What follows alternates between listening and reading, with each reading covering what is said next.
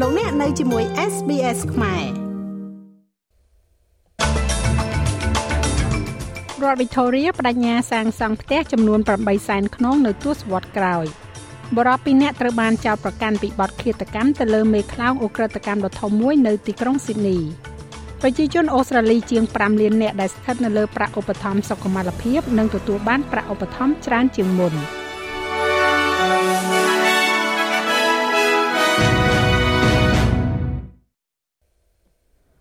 រដ្ឋ Victoria បានបដិញ្ញាសាងសង់ផ្ទះចំនួន8សែនខ្នងនៅក្នុងទសវត្សរ៍ក្រោយក្រោមកំណែទម្រង់ដែលបានប្រកាសឡើងដោយលោកអភិបាលរដ្ឋ Daniel Andrews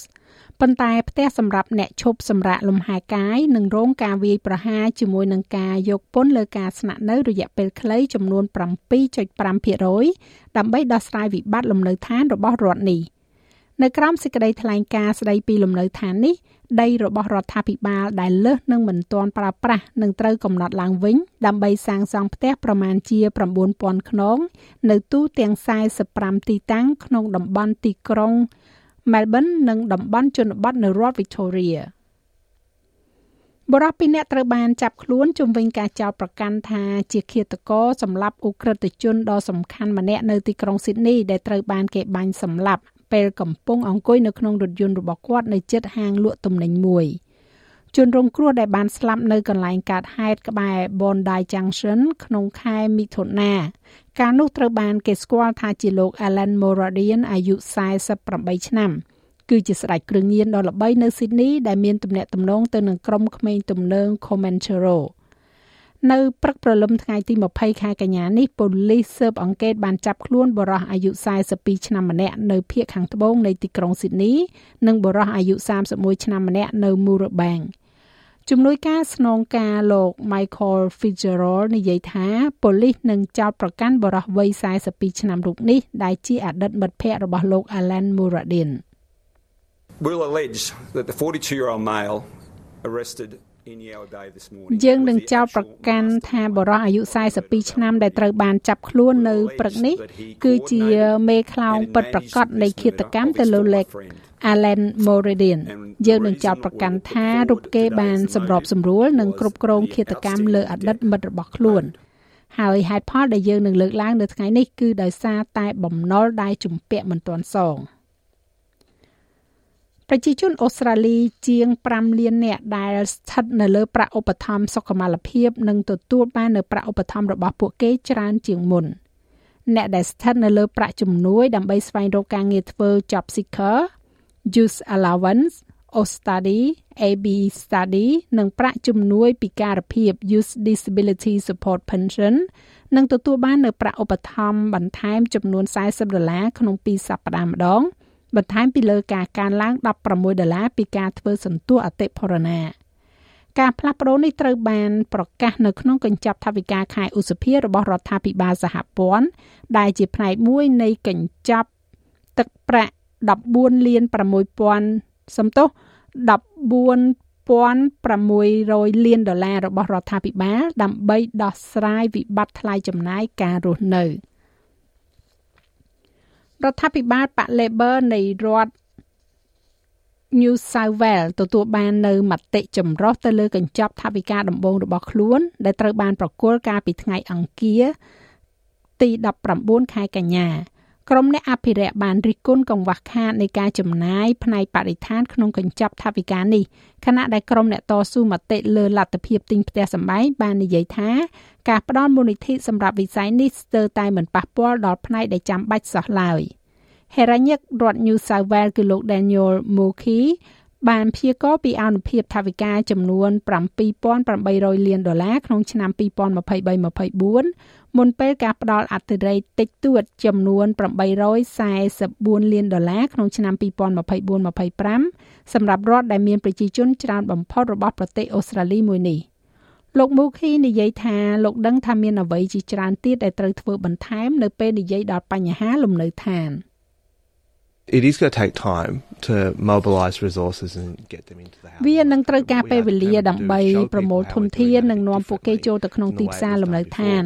ប៉ុន្តែអ្វីដែលយើងបដិញ្ញាចិត្តដើម្បីធ្វើគឺបង្ហាញប្រជាជនប្រជាជនអំពីរបៀបដែលយើងកំពុងតែធ្វើនោះគឺខុសពីវិធីដែលយើងបានធ្វើពីមុន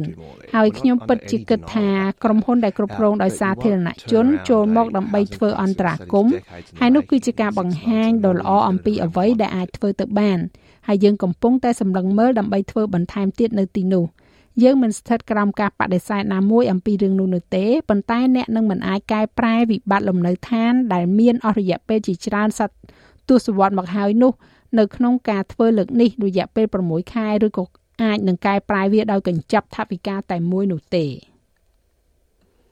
ប្រទេសអូស្ត្រាលីបានសន្យាផ្តល់ប្រាក់ចំនួន3លាន5សែនដុល្លារសម្រាប់ការគ្រប់គ្រងនិយត្តករនុយក្លេអ៊ែរអន្តរជាតិខណៈដែលមេដឹកនាំប៉ាស៊ីហ្វិករិះគន់ការបញ្ចេញចោលទឹកកាកសំណល់នុយក្លេអ៊ែរពីប្រទេសជប៉ុនប្រទេសជប៉ុនបានបង្កឲ្យមានភាពចម្រូងចម្រាសនៅក្នុងតំបន់ដោយរៀបចំការបញ្ចេញទឹកលាងកាកសំណល់នុយក្លេអ៊ែរចូលទៅក្នុងមហាសមុទ្រប៉ាស៊ីហ្វិក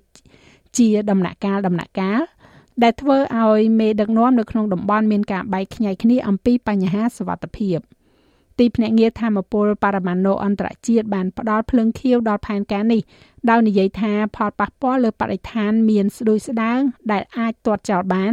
ហើយអូស្ត្រាលីបាននិយាយថាខ្លួនគ្រប់គ្រងវិជាសាស្ត្រនិងការវិតម្លៃរបស់អង្គការឃ្លាំមើលនុយក្លេអ៊ែររដ្ឋមន្ត្រីការបរទេសលោកស្រី Penny Wong មានប្រសាសន៍ថា អូស្ត្រាលីមិនស្ថិតនៅក្នុងចំណោមអ្នកដែលព្រួយបារម្ភអំពីការបញ្ចេញទឹកកាកសំណល់នោះទេ។ These are projects which will make a tangible difference in ទាំងនេះគឺជាគម្រោងដែលនឹងធ្វើឲ្យមានភាពខុសប្លែកគ្នាជាក់ស្ដែងរួមទាំងការកែលម្អលទ្ធភាពទទួលបាន សេវាព្យាបាលដោយវិទ្យុសកម្មប្រកបដោយសមធម៌តម្លៃសមរម្យនិងប្រកបដោយនិរន្តរភាព និងការកសាងកម្លាំងពលកម្មផ្នែកថែទាំមហារីកនៅអាស៊ីប៉ាស៊ីហ្វិកនៅក្នុងទ្វីបអាហ្វ្រិកហើយការគ្រប់គ្រងរបស់យើងសម្រាប់មន្ទីរពិសោធន៍វិភាគទឹកជាសកលរបស់ IEAE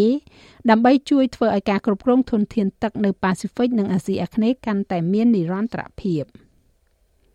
នៅក្នុងប្រទេសកម្ពុជាវិញកាលពីព្រឹកមិញនេះរដ្ឋាភិបាលបានណែនាំឲ្យក្រសួងស្ថាប័នរដ្ឋទីកន្លែងសាធារណៈតាមសាលារាជធានីខេត្តក្រុងស្រុកខណ្ឌនិងសាលាឃុំសង្កាត់ជាពិសេសនៅតាមទីវត្តអារាមទូទាំងប្រទេសជួបជុំព្រមគ្នាវេកងវេជួង គោះស្ទោផ្ទះប៉ោតនិងគោះត្រដោតដើម្បីអបអរសាទរដល់ព្រឹត្តិការណ៍ជាប្រវត្តិសាស្ត្រនៃការចុះបញ្ជីប្រាសាទកោះកេរជាសម្បត្តិបេតិកភណ្ឌពិភពលោករបស់អង្គការ UNESCO កាលពីថ្ងៃទី17ខែកញ្ញានេះដើម្បីអបអរសាទរដល់ព្រឹត្តិការណ៍ជាប្រវត្តិសាស្ត្រថ្មីនេះលោកនាយករដ្ឋមន្ត្រីហ៊ុនម៉ាណែតត្រូវដឹកនាំការជួបជុំនៅពហុកីឡដ្ឋានជាតិអូឡ িম্প ិកក្នុងរាជធានីភ្នំពេញនាល្ងាចនេះផងដែរ។ ជាមួយគ្នានោះលោកនាយករដ្ឋមន្ត្រីក៏បានប្រកាសថាលោកមិនអោយកម្ពុជា បាត់អត្តសញ្ញាណបាត់អធិបតេយ្យជាតិនិងរណបក្រោមប្រទេសណាមួយនោះឡើយមិនថាបកណាបកណារឿងបោះឆ្នោតរឿងនយោបាយយើងខុសគ្នាប៉ុន្តែនៅពេលដែលយើងលើកដំណើរកិត្តិយសជាតិដំណើរគេដំណែដូនតាយើងយើងត្រូវរួមគ្នាចិត្តមួយថ្លើមមួយក្នុងនាមជាកូនខ្មែរទាំងអស់គ្នា ចាស់ឲ្យលោកមេងផល្លានឹងជួនសេចក្តីរាយការណ៍លម្អិតនៅវគ្គក្រោយជាបន្តទៀតឬលោកអ្នកអាចចូលស្ដាប់លើរបាយការណ៍ sps.com.au/ ខ្មែរ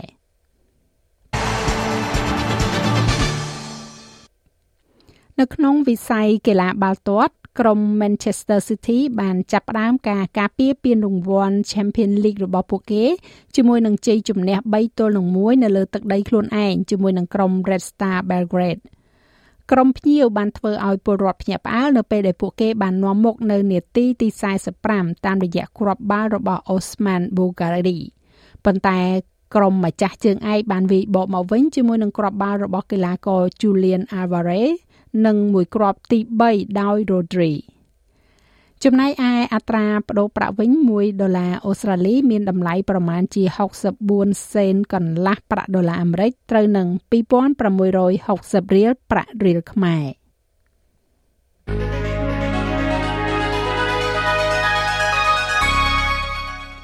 ចាឥឡូវយើងក៏លេខមកមើលការព្យាករណ៍អាកាសធាតុសម្រាប់ថ្ងៃប្រហ័សស្អែកនេះវិញនៅទីក្រុងផឺតមានពពកដោយពេល27អង្សា ដូចគ្នាដែរនៅអាដាលេដ19អង្សា ទីក្រុង Melbourne មានរលឹមបន្តិចបន្តួច15អង្សា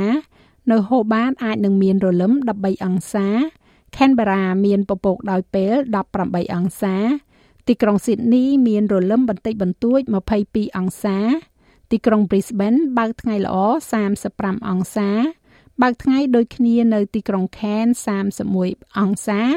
ហើយនៅ Darwin ក៏បើកថ្ងៃផងដែរ34អង្សារីឯនៅទីក្រុងភ្នំពេញ មានផ្គររន្ទះរីប៉ាយ32អង្សា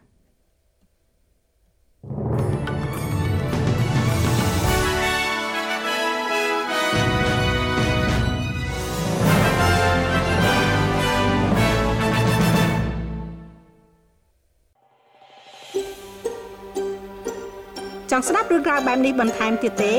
ស្ដាប់នៅលើ Apple Podcast Google Podcast Spotify ឬកម្មវិធីដទៃទៀតដែលលោកអ្នកមាន។